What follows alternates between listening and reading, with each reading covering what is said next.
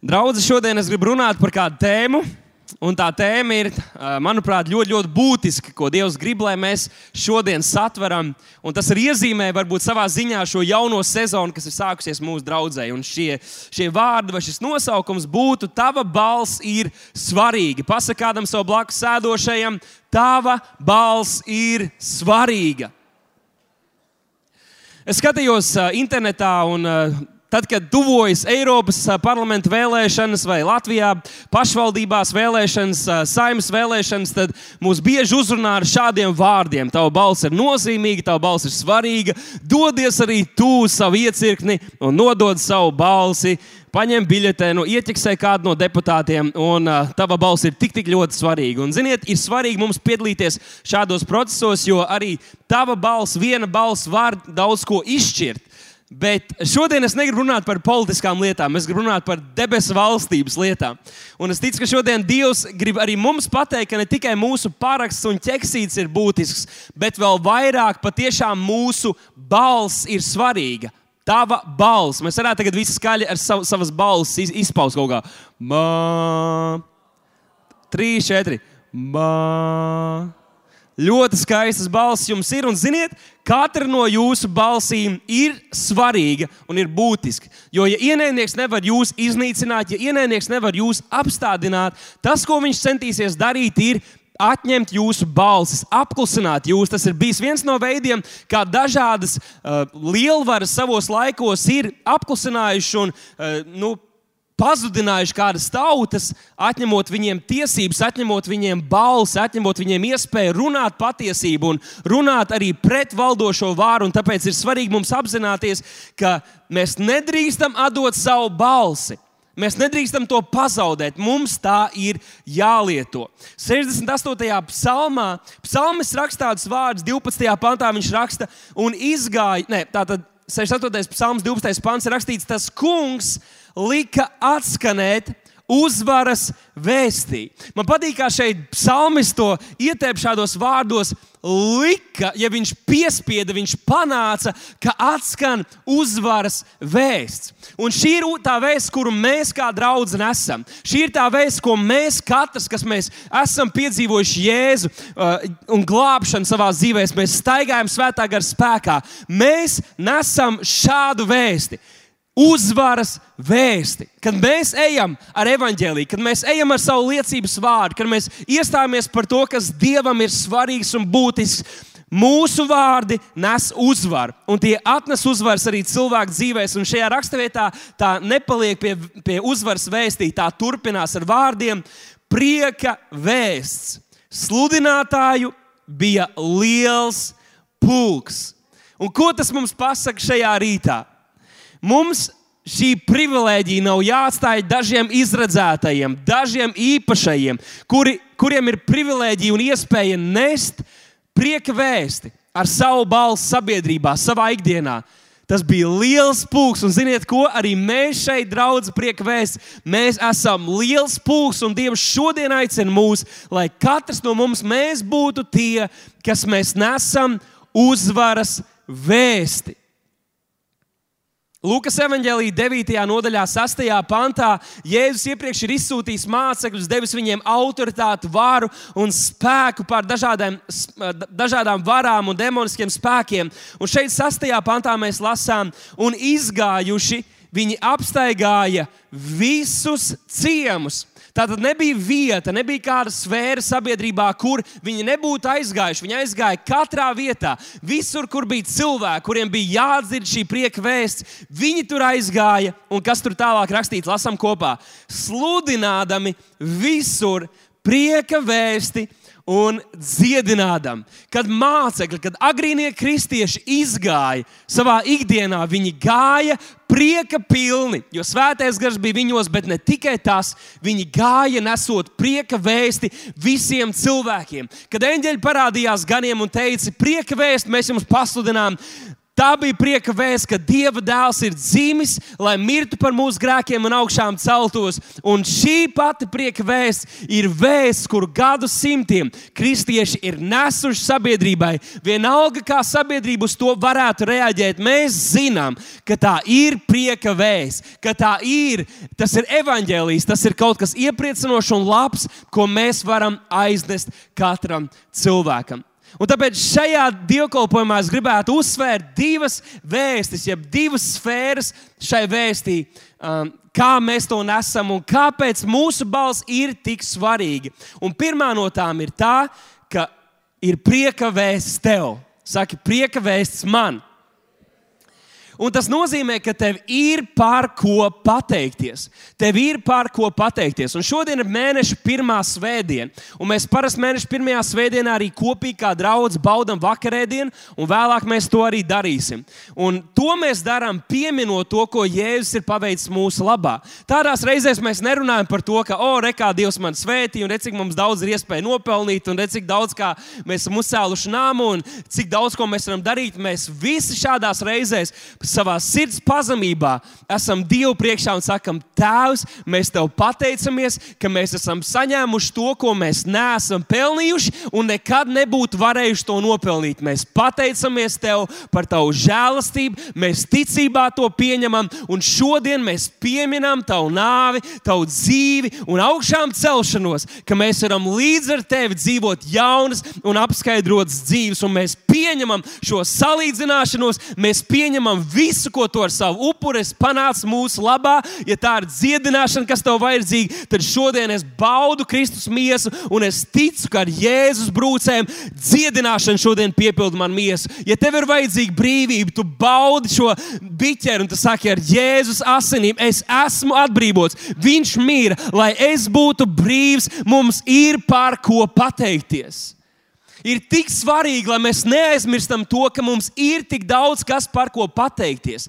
Jo ienaidnieks cenšas panākt, lai mēs fokusējamies uz to, kas mums nav. Ienaidnieks cenšas panākt, lai mēs fokusējamies uz valstīm, kur varbūt uh, turības līmenis ir labāks, un varbūt viņi brauc ar labākām mašīnām. Un ienaidnieks gribētu, lai mēs šeit, Latvijā, dzīvojot, domājam par to, ka mums taču varēja būt labāk. Mēs varējām braukt ar mašīnu, kur ir mīkstāks sēdekļi, kur ir dārgāk dārgāka degviela, kur ir visādi elektroniski pričendāļi, kas būtu vajadzīgi. Bet tas būtu slasts Tas būtu slasts, jo tas Dieva plāns ir, lai mēs esam pateicīgi par to, kas mums ir dots. Un tāpēc šodien, arī gatavojoties baudīt vakarēdienu, es aicinu, ka mēs novēršam savas domas no tā, ko mēs varētu, ko mēs gribētu, kas varētu būt. Un mēs tā vietā domājam par to, kas mums ir, kas mums ir dāvinās. Dievs man ir devis brīnišķīgu sievu, man ir brīnišķīga meita, un mēs gaidām vēl vienu bērniņu, un Dievs gādā par mūsu visām vajadzībām. Jā, mēs nevaram nevaram, uh,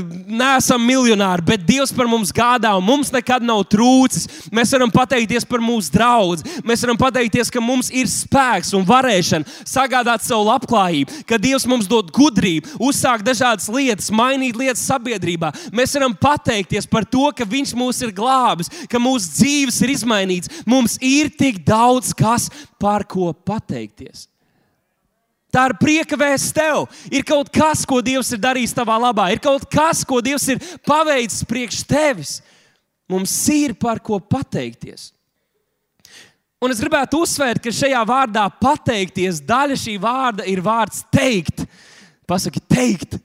Un tas nozīmē, ka nepietiek ar to, ka mēs vienkārši labi jūtamies. Jūs varbūt kādreiz tā ir bijis, ka jums kāds kaut ko labu izdara, un jūs vienkārši tā, un jūs cerat, ka viņš nolasīs no tā, kā jūs smaidat, kā jūs skatāties, ka jūs esat pateicīgi. Un varbūt, ka jums tā šķiet, bet tam otram cilvēkam šķiet, ka jūs kaut ko nelabi esat no rīta apēdis, ka jums ir nelabi, ka jums ir slikti, un jūs varat pārprast, un ir tik būtiski, ka arī savās savstarpējās attiecībās mēs Mēs nekautrējamies pateikties, pateikt paldies, pateikt paldies kalpotājiem, pateikt paldies mūsu dzīves draugiem, pateikt paldies mūsu bērniem, ka tie mūs paklaus, pateikt paldies mūsu darba devējiem. Būt pateicīgiem, jo tā ir viena no lietām, kas raksturo kristiešus. Mēs esam pateicīgi cilvēki. Amen! Mēs varētu tagad dot aplausu tādam Dievam, paldies tev! Mēs esam pateicīgi! Es zinu, ka kādu no jums jūs tikko nodomājāt. Stāsti vien. Bet mēs esam pateicīgi. Un mums ir jāmācās saredzēt to labo visapkārt. Protams, mums ir jātic par pārmaiņām un jādara viss kaut kas, lai mēs mainītu lietas apkārt. Bet mums ir jābūt pateicīgiem par to, kas mums ir, ir dots. Otrajā laika grāmatā, 5. nodaļā, mēs lasām notikumu, kur Salamans, tātad tas ir Dāvida pēctecis, Dāvids bija tas, kurš sakrāja ļoti daudz bagātības. Salamans uzcēla dievam templi, tagad tur viss tiek pabeigts. Līdzīgi varbūt var savilkt paralēlus ar mūsu namu. Tur viss tiek pabeigts, viss kaut kas tiek izdarīts, priesteris sāk savu kalpošanu. Un tad 13. pantā mēs lasām, kas notiek. Ir rakstīts, ka vienlaicīgi iesākoties mūzikai un dziesmai, šķita, it kā būtu tikai viens, kas taurētu, un viens, kas dziedātu. Un tikai skanētu viena balss, kas to kungu teiktu, te runa par vienprātību, un teiktu viņu, un slavētu viņu, pateiktos viņam. Un kad uz augšu pacēlās tauru, un cimbāļu, un citu instrumentu, un slavas dziesmu skaņas pauzdamas, jo tas kungs ir labs un viņa žēlastība paliek mūžīgi. Tad viss nams, tā kunga nams, piepildījās ar mākoni. Tā ka priesteri nevarēja nostāvēt, lai kalpotu šī mākoņa dēļ, jo tā kunga godība bija piepildījusi dieva nāmu. Mums ir kaut kas, par ko pateikties, un es gribētu likt uzsvaru šajā raksturvietā uz to, ka nams jau bija uzcelts, viss jau bija izdarīts, kalpošanas jau bija sākušās, bet dieva godība vēl nebija šajā vietā.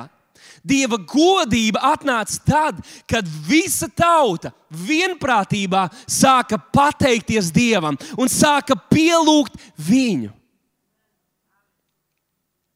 Mums ir par ko pateikties, un pateicībā ir tik milzīgs spēks, un tava balss ir svarīga, lai tava pateicība atskanētu. Man patīkās, kā šodien iesākās dievkalpojums. Tik daudz, sakot savu datumu, pasakot, es esmu atbrīvots no depresijas, Dievs man dziedināja, Dievs man izglāba. Es varēju būt invalīds, bet Dievs man izglāba. Dievs ir tik labs, es pateicos par draugu. Tik daudz liecības. Mums ir par ko pateikties, un tava pateicība varētu teikt, ka nav neko vērta, ja tu nedalies ar to, ja tu neliecini par to. Mums, mūsu balss ir svarīga un ir svarīgi, lai cilvēki apkārt dzird tavu liecību. Ir svarīgi, lai tavu pateicību paceļas Dieva troņa priekšā, lai arī tava ticība ceļās un arī tu jo vairāk varētu piedzīvot brīnumu. 1885. gadā kāds vīrs Zviedrijā vārdā Kārls Gustavs Bobergs. es droši vien neizrunāju to pareizi, bet šis ir vīrs, viņš ir kristietis. Viņš eh, bija nonācis eh, Zviedrijas kādā krasta malā, tāda pie pašas jūras, un bija milzīga vētra. Viņš atradās tur tajā brīdī, tajā vietā. Milzīga vētra, un viņš vienkārši ir pārņemts ar to.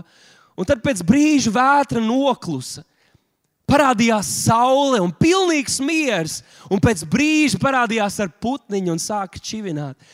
Un šis vīrs to visu piedzīvojot. Viņš bija tik pārņemts ar Dievu klātbūtni un godību. Viņš nometās uz saviem ceļiem tur. Un viņš vienkārši pielūdz Dievu. Un tad nedaudz vēlāk viņš sarakstīja dzējoli ar deviņām rindiņām, kuras, va, kuras nosaukums ir Ostöre Gud. Störe good. Pasakiet kādam, störe good. Iespējams, ka jūs runājat zviedriski tagad. Viņš sarakstīja šo dzējoli, un tad šis dzējolis aizceļoja un dzīvoja savu dzīvi. Un tad kādu laiku vēlāk, ejot garām kādai draudzē, vai varbūt viņš bija aizgājis tur, viesoties, viņš pēkšņi izdzirdēja, ka viņa dzējolis tika izdziedāts dziesmā. Un iespējams, ka arī jūs zinat šo dziesmu, tāpēc mēs tagad brīdi varētu vienkārši izdziedāt to visu kopā, pacelt savus balsis pateicībā, jo mums ir par ko pateikties. Un man šķiet, ka šis dzējols un dziesma tik skaisti to izsaka. Ak, lielais Dievs, kad redzu, kā tu esi, tik skaistu krāšņu dabu radījis un dzīvībai. Ik katrai gaismu nesi, to savā mīlestībā audzējis.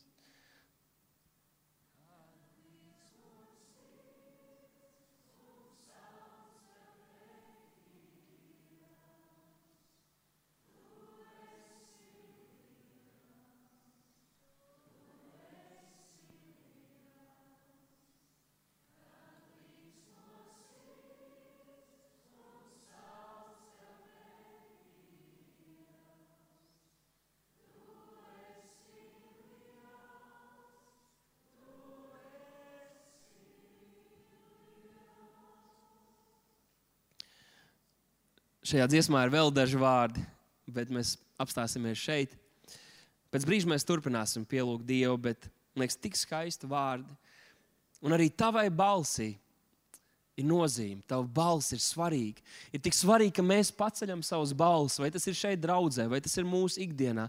Arī grūtos brīžos, kad mēs nekautrējamies, ka mēs nebaidamies, ka mēs nežēlojam sevi, bet paceļam savus balsis un sakām, Tēvs, tu esi tik liels un varens. Un tava mīlestība ir tik brīnišķīga mūsu dzīvēm. Tātad pirmkārt ir prieka vēsts tev, jo tev ir par ko pateikties. Bet otrkārt, un otrais lielais punkts šodien ir, ka, tava, ka, ka ir tava prieka vēsts. Pasakādam, tava prieka vēsts. Un tas nozīmē, ka tev ir ko teikt. Tev ir ko pasakīt, tev ir ko pastāstīt cilvēkiem sev apkārt. Jāņem vērā līdz 4. nodaļā mēs lasām notikumu, kur kāda sieviete no Samarijas, kas nebija tauta, kas būtu cienīta citu starpā, un arī šī sieviete tajā laikā netika uzskatīta par neko īpašu. Nevienam šķietam nevajadzētu būt tā, ka kāds gribētu klausīties viņas balsīs, balsī un klausīties viņas teiktajā. Ko gan šī sieviete varēja kādam pateikt? Pēc tam, kad viņi sas, sastapās ar Jēzu, un Jēzus pieskārās viņas dzīvē, Jēzus uzrunāja viņu, izmainīja viņas dzīvi un atklāja to, ka Dievs ir interesēts viņas dzīvē. Un savā ziņā viņš apskauja viņu, lai gan fiziski tas tur nenotiek, bet ar savu mīlestību un vārdiem viņš izmainīja viņas dzīvi un sirdi. Tad šī sieviete vairs nevarēja klusēt, un pēkšņi viņa iegūta balsi. Pēkšņi viņa saprata, ka viņas balss ir svarīga. Un 28. pantā mēs lasām, tad šī sieva atstāja savu ūdens trauku un aizgāja uz pilsētu un sacīja ļaudīm: Nāciet, tur ir cilvēks, kas man visu pateicis, ko es esmu darījusi. Vai tikai tas nav Kristus? 30. pāns saka, tad tie izgāja no pilsētas pie Jēzus. Mums katram ir kaut kas, kas stāstāms. Mums katram ir ko teikt. Mums katram ir kaut kāda sāpe par kaut ko, kas notiek sabiedrībā, kur mums būtu jābūt tiem, kas mēs sakām, nē, es nesamierināšos ar to. Es gribu kaut ko mainīt. Kādu laiku atpakaļ mēs savācām šeit vizītkartes no daudziem no jums, kas jūs teicāt, es uzņemos personīgi atbildību par to sfēru, kurās darbojos, un es lūdzu, lai Dievs lieto mani, lai mainītu lietas mūsu valstī. Un es zinu, ka tik daudz liecības mums te ir dzirdamas par to, ko Dievs runā jūsu dzīvēs, par to, ko Dievs ir darījis, par to, kas jums sāp un kam ir jāmainās, par ko jūs stāvat. 1980. gadā kāda sieviete ASV Savien Amerikas Savienotajās valstīs, kuras vārds ir Sandija Laitnere, viņa piedzīvoja kaut ko ļoti traģisku. Viņas 13-gadīgā meitiņa tika no, notriekta autoavārijā, Tātad auto notriec viņas 13-gadīgo meitiņu, un šis auto vadītājs bija dzēruma stāvoklī. Tajā laikā vēl neviens nepievērs uzmanību šādām lietām, un tas, ka cilvēki nu, diezgan lielā dzērumā pārvietojās ar, ar mašīnām, Tajā laikā nekas vēl nebija ieviesis, un neviens pret viņiem nevērsās, nebija lielas sekas. Un tad viņi uzzināja, ka šis vīrietis jau bija iepriekš notriedzis vēl kādu cilvēku. Un tajā brīdī, kad viņi to piedzīvoja, viņai tas bija ļoti sāpīgs, personīgs notikums, bet tam nevienmēr tādam ir jābūt. Viņa nolēma un saprata, nē, es to tā nevaru atstāt. Man kaut kas ir jādara, man kaut kas ir jāmaina. Un ziniet, ko šī drosmīgā sieviete izdarīja ar savām sāpēm, ar, ar šo savu ar, ar šīm bērniem, ko, ko viņai bija jāpiedzīvo savā dzīvē. 80. gada 7. martā viņa savā mājās izveidoja uh, kustību mammas pret autovadītājiem dzērumā. Un šīs organizācijas darbības rezultātā viņa panāca, ka tiek ieviest ļoti stingri likumi attiecībā uz šādiem notikumiem un cilvēkiem, kas grib pārvietoties ar automobīlu pie stūres, esot dzēruma stāvoklī. Viņa izdarīja kaut ko, kas viņai sāpēja, kas viņai kaut ko laupīja. Viņa teica, nē, es to tā nevaru atstāt. Un viņa teica, mana balss ir pietiekami svarīga, un es varu kaut ko izdarīt, es varu kaut ko izmainīt. Viņai bija cerība un ticība, un viņa nebaidījās rīkoties. Nu, labi, viņa droši vien bija ļoti drosmīga un brīnišķīga sieviete. Kas tad mēs tādi esam? Vīrieši, sievietes, mēs taču esam tikai latvieši. Bet mums katram ir ko teikt. Mūsu katra balss ir svarīga. Pavisam nesen es atbraucu mājās vakarā pēc darba, un es iegāju pa durvīm, un es ienāku viesistabā, un es redzu, ka mana mazā meitiņa, kurai ir nedaudz vairāk kā divi gadi, viņa ir atvērusi vaļā Bībeli. Viņai patīk lasīt. Viņa vēl, varbūt tik labi vēl neprot lasīt, bet viņai patīk lasīt. Un, un, uh, es piegāju pie viņas un sasveicinājos, un pēc kāda brīža, kad viņa tur šķirstīja, un tajā konkrētajā brīdī izstījās, ka viņa lasīja no satura rādītāja vairāk. Un es viņai piegāju un prasīju, meitiņa, ko tu tur lasi? Un viņa man atbildēja, ir jāmīl tēti. ir jāmīl tēti. Un es domāju, wow, mums katram ir ko teikt. Un mums katram ir kaut kas, ko, ko, ko Dievs dara, ko Dievs dažādos veidos mūs uzrunā, ko Dievs ir darījis. Mums katram ir ko teikt, mums katram ir balss, un mūsu balss ir svarīga. Un es pieņemu, ka mēs varētu staigāt apkārt, un es nevarēju visus jūs sarunāt laicīgi, bet mēs varētu pastaigāt apkārt šeit pa, pa tādiem flangiem un, un dzirdēt, ko Dievs ir darījis, dzirdēt kaut kādus stāstus. Un varbūt jūs vienkārši varētu man padot no katra flanga. Es pieeju jums klāt, jums pasakiet kaut kādas lietas, varbūt, ko, Dievs, ko Dievs ir darījis, vai kāda liecība, par ko jums būtu. Ja gadījumā vajadzētu, jūs varētu sagatavoties. Par par ko jūs varētu liecināt? Es zinu, ka Jānis ir brīnišķīga liecība par dziedināšanu, ko Dievs izdarīs. Vai kas te vēl būtu tāds interesants? Jums man jāplīd. Par finansēm, par brīnumiem finansēs, vēl kaut kas. Par dziedināšanu, par atbrīvošanām. Super. Es gribētu dzirdēt no jums šeit. Mēs nevienmēr jums pievēršam uzmanību, par ko mēs varētu dalīties. Varbūt kaut kas, kas jums sāp, kas jums liekas, ir svarīgi, kas ir jāmaina sabiedrībā, vai liecības vārds, ko Dievs ir darījis. Padodiet man ātri kaut ko par glābšanu, kā Dievs ir izglābs mūsu dzīves vēl par brīnišķīgiem bērniem, ko Dievs, par aicinājumu, ko Dievs ir devis. Kas vēl? Par jaunu uguni, par jaunu aizdegšanos, ko Dievs ir izdarījis mūsu dzīvē. Šeit mēs dzirdējām uh, Simpsona ģimenes liecību, kas vienkārši ir fantastiski. Mums būs jāizlasa, jāuzrakstā vairāk. Kas jums būtu šeit? Ko mēs varam pateikt? Ko Dievs ir darījis? Par mieru. Tieši tā pasaulē tas nav, bet Dievs dod pārbīdes mieru, dzirdēt dziedināšanu. Kas vēl ir bijis? par apsardzību. Es zinu, ka te ir evanģelizācijas cilvēki, kas visu laiku redz, kā evanģēlī strādā. Kas vēl? Par prieku, kas cilvēkiem daudziem trūks, bet Dievs to ir devis. Kas vēl? Ko vēl Dievs ir devis? Atbrīvošana. Un katra, katra tas vārds, kas tiek izteikts, ir stāsts. Katrs tas vārds ir stāsts, kuram ir jātiek pasludinātam. Un ne visi mēs varam šodien šeit runāt mikrofonā, bet tā, jūsu balss ir svarīga. Un tiem stāstiem ir jāskan. Kas mums šeit vēl ir ko dzirdēt? Ko Dievs ir darījis? Kas jums sāp? Kas ir svarīgi? Piedošanas spēks, kad mēs atlaižam citus, mēs paši kļūstam brīvi. Kas vēl? Par veselību, Dievs, kas vēl? Par mīlestību, ka tu atklāji, kas ir patiesa mīlestība. Apsardzība, pārdabiska apsardzība, eņģeļa darbība mūsu dzīvēm. Kas vēl? Vēl vienu. Dziedināšana no neauglības. Tieši tā. Kas vēl? Par bērniem. Super! Tik daudz mēs varētu liecināt, un katra šī liecība, katrs šis vārds būtu reāls stāsts, ko mums būtu jādzird. Kas mums šeit ir par liecībām? Par brāļiem un māsām. Aleluja par draugu, par draugu spēku. Kas vēl? Par paplašinātām robežām Dievs palīdz mums izplatīties un iekarot jaunas virsotnes. Kas vēl? Par svētā gara spēku mūsu ikdienā, jā. Par dziedināšanu mēs dzirdējām tavu dziedināšanu. Vēl. Dievs dod darbu tieši tā, kādreiz durvis šķiet, ka ir aizvērts, bet Dievs saka, nē, durvis ir atvērtas maniem bērniem. Viss ir iespējams tām, kas tic. Ja mēs varētu dot Dievam godu, tik daudz liecības, tik daudz stāstu ir mūsu vidū. Interesanti ir tas, ka mums kādreiz pašiem šķiet, ka, ka mums īsti nav ar ko dalīties. Bet tad, kad pienāk brīdis un tev ir jādalās, tad tu sāc domāt, un tad tu dalies, un tad cilvēki ar atpūstām mutēm klausās. Un tev likās, ka tev nekā nav.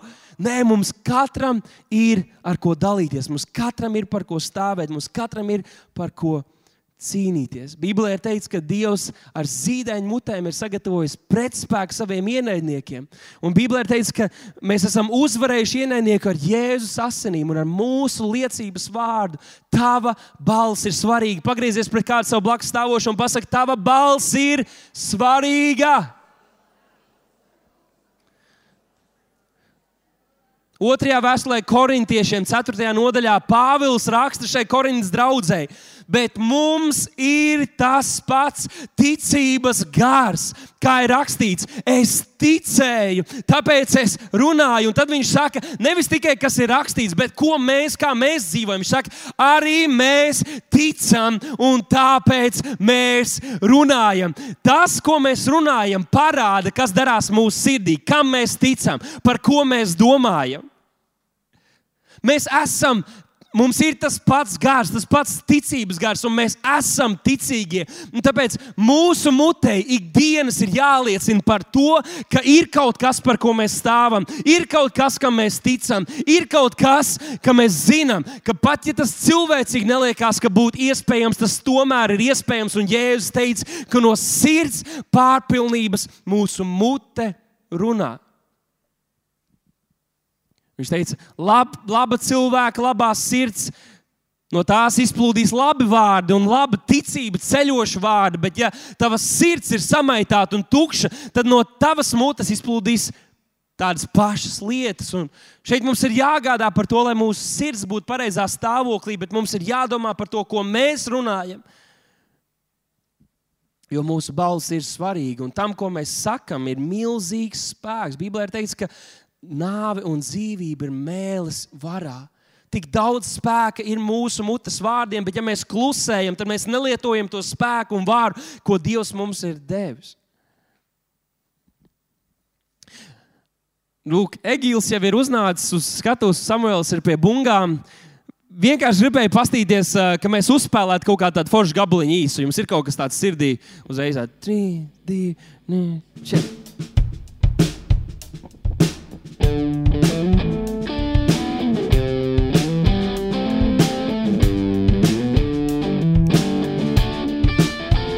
Oh, skan labi, vai ne? Paldies, paldies. paldies. Skanēja labi, vai ne? Aplausi, aplausi, aplausi. Nu, varbūt, ka jūs kāds sev asociējat ar, ar Samuelu. Īpaši jaunākais gals. Jā, viņš tāds stilīgs, tur džeks spēlē bungas. Visu kaut ko var izdarīt. Egīls pārstāv mūsu briedušāko galu, deksmi, dzīvības spēks. Viņš ir viens no aktīvākajiem atmodas vakar apmeklētājiem. Arī aplausām. Bet tas, ko mēs dzirdējām, bija tik eh, forši un skaisti, tāpēc, ka viņi abi spēlēja kopā un tas viss skanēja forši. Es domāju, ka katrs viņš atsevišķi arī spēlējot, arī skanētu labi, bet uh, varbūt nebūs vairs tas. Nu, pamēģināsim, Egīla, tagad tu vairs nespēlē, tagad Samuēl, tu tikai noblēsi savējo. Tā.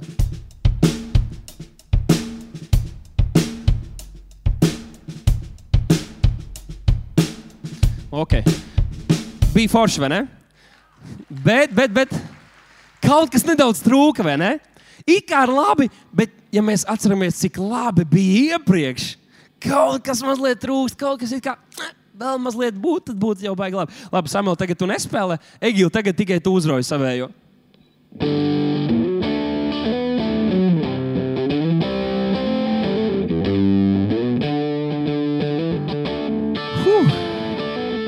Jāsaka, godīgi, labi izklausās.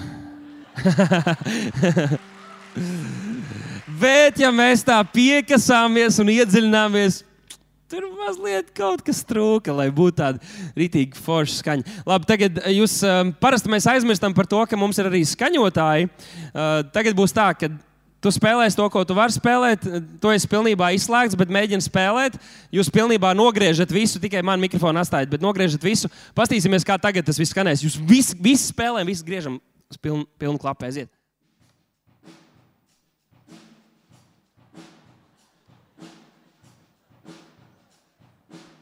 Ok, ok, paldies, paldies, paldies. Varētu domāt, ka tur kādi paliek pilnīgi ēnā, pilnīgi nav redzami, bet viņu balss, viņu pielikums, viņu, viņu darbi, viņu kalpošana ir tik ļoti būtiska un ir tik ļoti svarīga, lai tas viss varētu kopīgi skanēt. Jo mums katram ir jādara savs. Mums katram ir savas pieredzes, mums katram ir savs aicinājums. Mums katram ir savas lietas, kur, ko Dievs vada mūs darīt un mainīt un spīdēt dažādās sfērās un vietās, kur mēs to varam darīt. Dievs aicina mūs to darīt. Un mūsu katra pienesums ir tik ļoti svarīgs. Mūsu katra balss ir tik ļoti svarīga. Jeremijas grāmatā, pirmajā nodaļā, tur pravietis Jeremijas sastopās ar Dievu, un Dievs viņu aicina. Un es uzliku uz ekrāna tikai šo noslēdzošo daļu, bet es izlasīšu to kontekstu no, pirmās, no pirmā panta. Kur Dievs uz šo jauno vīru runā, viņš saka, pirms es tevi radīju mātes miesās, es tevi jau pazinu. Un to lasot, es gribētu, lai mēs katrs sadzirdam, ka Dievs tāpat runā un vērš pie jums. Un pirms tu piedzimi no mātes miesām, es tevi svētīju un tevi izredzēju par pravieti tautām. Tad es atbildēju, ak, kungs, mans dievs, redz, es neprotu runāt, jo es esmu vēl jauns. Cik daudz jūs zināt, ka mums vienmēr ir kāds aizbildinājums, ka Dievs grib mūs lietot vai vest mūs tālāk, lai paplašinātu mūsu robežu. Mums vienmēr ir ko pateikt Dievam, es taču nevaru. Es esmu pa jaunu, es esmu pa vecu, es esmu pa īsu, es esmu pa garu, es esmu pa latviešu pārāk latviešu. Skatieties, ko Dievs viņam atbild. Bet tas kungs man sacīja, lasam kopā. Nesaki, es esmu jauns. Tātad met pie malas visus aizbildinājumus, visas tavas attaisnojumus, visu to malā tālāk. Jo tev ir jāiet visur, kur pēc tevis sūtīšu, un jārunā viss, ko es tev pavēlēšu. Tava balss ir svarīga. Tava balss ir svarīga. Un es domāju, vai nav tā, ka kādreiz mēs ar laiku pazaudējam savu balsi? Mēs esam to lietojuši, bet mēs ar laiku to pazaudējam. Varbūt mēs aizsmakuši esam, varbūt mums apnika, varbūt mēs pagurām to lietot, jo vai tur lietas mainās, cik es jau mēnešu kaut ko esmu mēģinājis darīt, bet nekas nav mainījies. Vai ir kāda jēga tam visam? Ir jēga, tava balss ir svarīga, Dievs to lietos, un Viņš tiks pagodināts tavā dzīvēm. Varbūt, ka tu nekad vēl neesi tā pa īstam iegūst savu balsu pateicībā. Varbūt slavēšanā tu esi gadiem ilgi nācis un vēl nereiz neesi tā īsti atsaucies Dievam un spējis pacelt savu balsu un izteikt Dievam slavu un godu. Tev ir jāiegūst savu balsu. Un, kamēr mēs slavēšanā bijām, es saskatīju atkal šo, šo tādu attēlu par lauvu. Bija kāda, man liekas, mūtfilma vai filma par, par lauku, kas nebija uzaugusi savvaļas vidē, un viņam nebija tāds lauvas rēciens. Viņš bija mīkstmies lauva vai kaut kas tāds. Un arī mēs, kristieši, kad mums nav mūsu balss, tad arī mēs esam vāji. Tā ir vāja kristietība. Tā ir vāja staigāšana ticībā. Un šis lauva izgāja daudz kam cauri, līdz viņš beidzot atrada savu balsi. Viņš atrada savu rādu.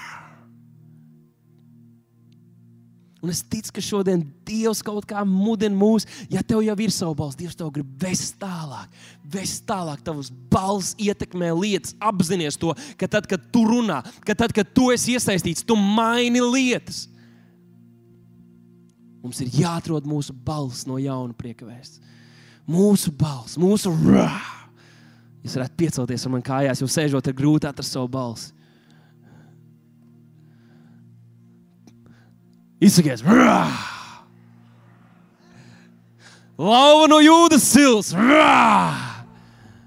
Mēs neesam mīkstnieši kristietība. Mēs esam tie, kas mēs uzvaram. Mēs esam tie, kas mēs iemantojam apsolījumus. Mēs esam tie, kas mēs redzam, kā Dieva vārds darbojas. Un tāpēc mums ir jālieto ticība, mums ir jālieto savu balsi.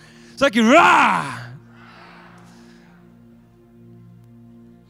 Varbūt līdzīgi kā samarieši šī sieviete, viņa arī neko daudz nezināja vairāk. Viņa vienkārši zināja, ka viņa ir sastapusies ar Jēzu. Viņa aizgāja, viņa teica to, ko viņa prata, un kādreiz tas nav tur izcils dziesmu, mūsu balsīs, mūsu vārdos, ideāli, teoloģija, doktrīnas. Kādreiz tas ir vienkārši. Es esmu piedzīvojis, Jēzus, Jēzus ir labs, Jēzus ir dzīves, Viņš izmainīja man dzīvi, es esmu glābts, es esmu brīvs. Jums ir jāiepazīstās ar viņu. Kādreiz tas izklausās vienkārši, oh, oh, Jēzus ir labs. Pasaki, oh! Es zinu, ka te ir daudz, kam ir jādabūt tāda brīvība. Tu nekad neesi tā darījis. Tikai Rīgas dīnāmo spēlēs pie televizora mājās. Bērni, ejiet istabā, ļaujiet tētim pakliegt, ļaujiet tētim nedaudz. Dīnāmo, dīnāmo! Bet Dievs mums grib dot cita veida brīvību. Saki, ho! Tu jūties brīvi? Tā ir brīvība, mēs uzvarā dzīvojam. Kad ģērbs mūri bruka, kas notika? Viņi nedziedāja tajā brīdī skaistu dziesmu. Tas bija slavas sauciens, pateicība Dievam. Ho!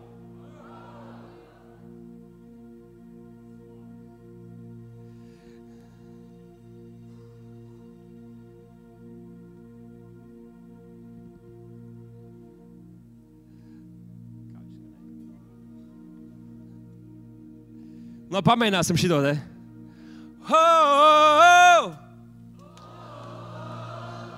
Ok, bet šitā mēs jau darījām dievkalpojumu sākumā. Ja tas vārds ir izskanējis, ir jābūt kaut kādām pārmaiņām. Iedomājies, ka tu esi Rokijs, tur pēc cīņas, un Adrian! Tā ir pilna rīkla, ir pilna spēka. Saki, ho!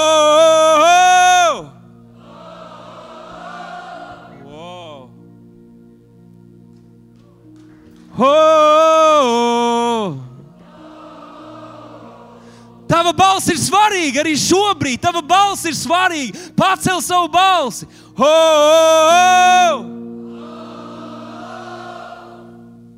ho, ho.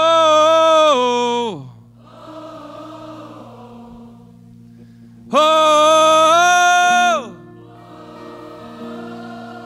Nepiekūsti.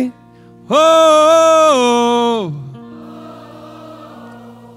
Pacelsim savus balsis.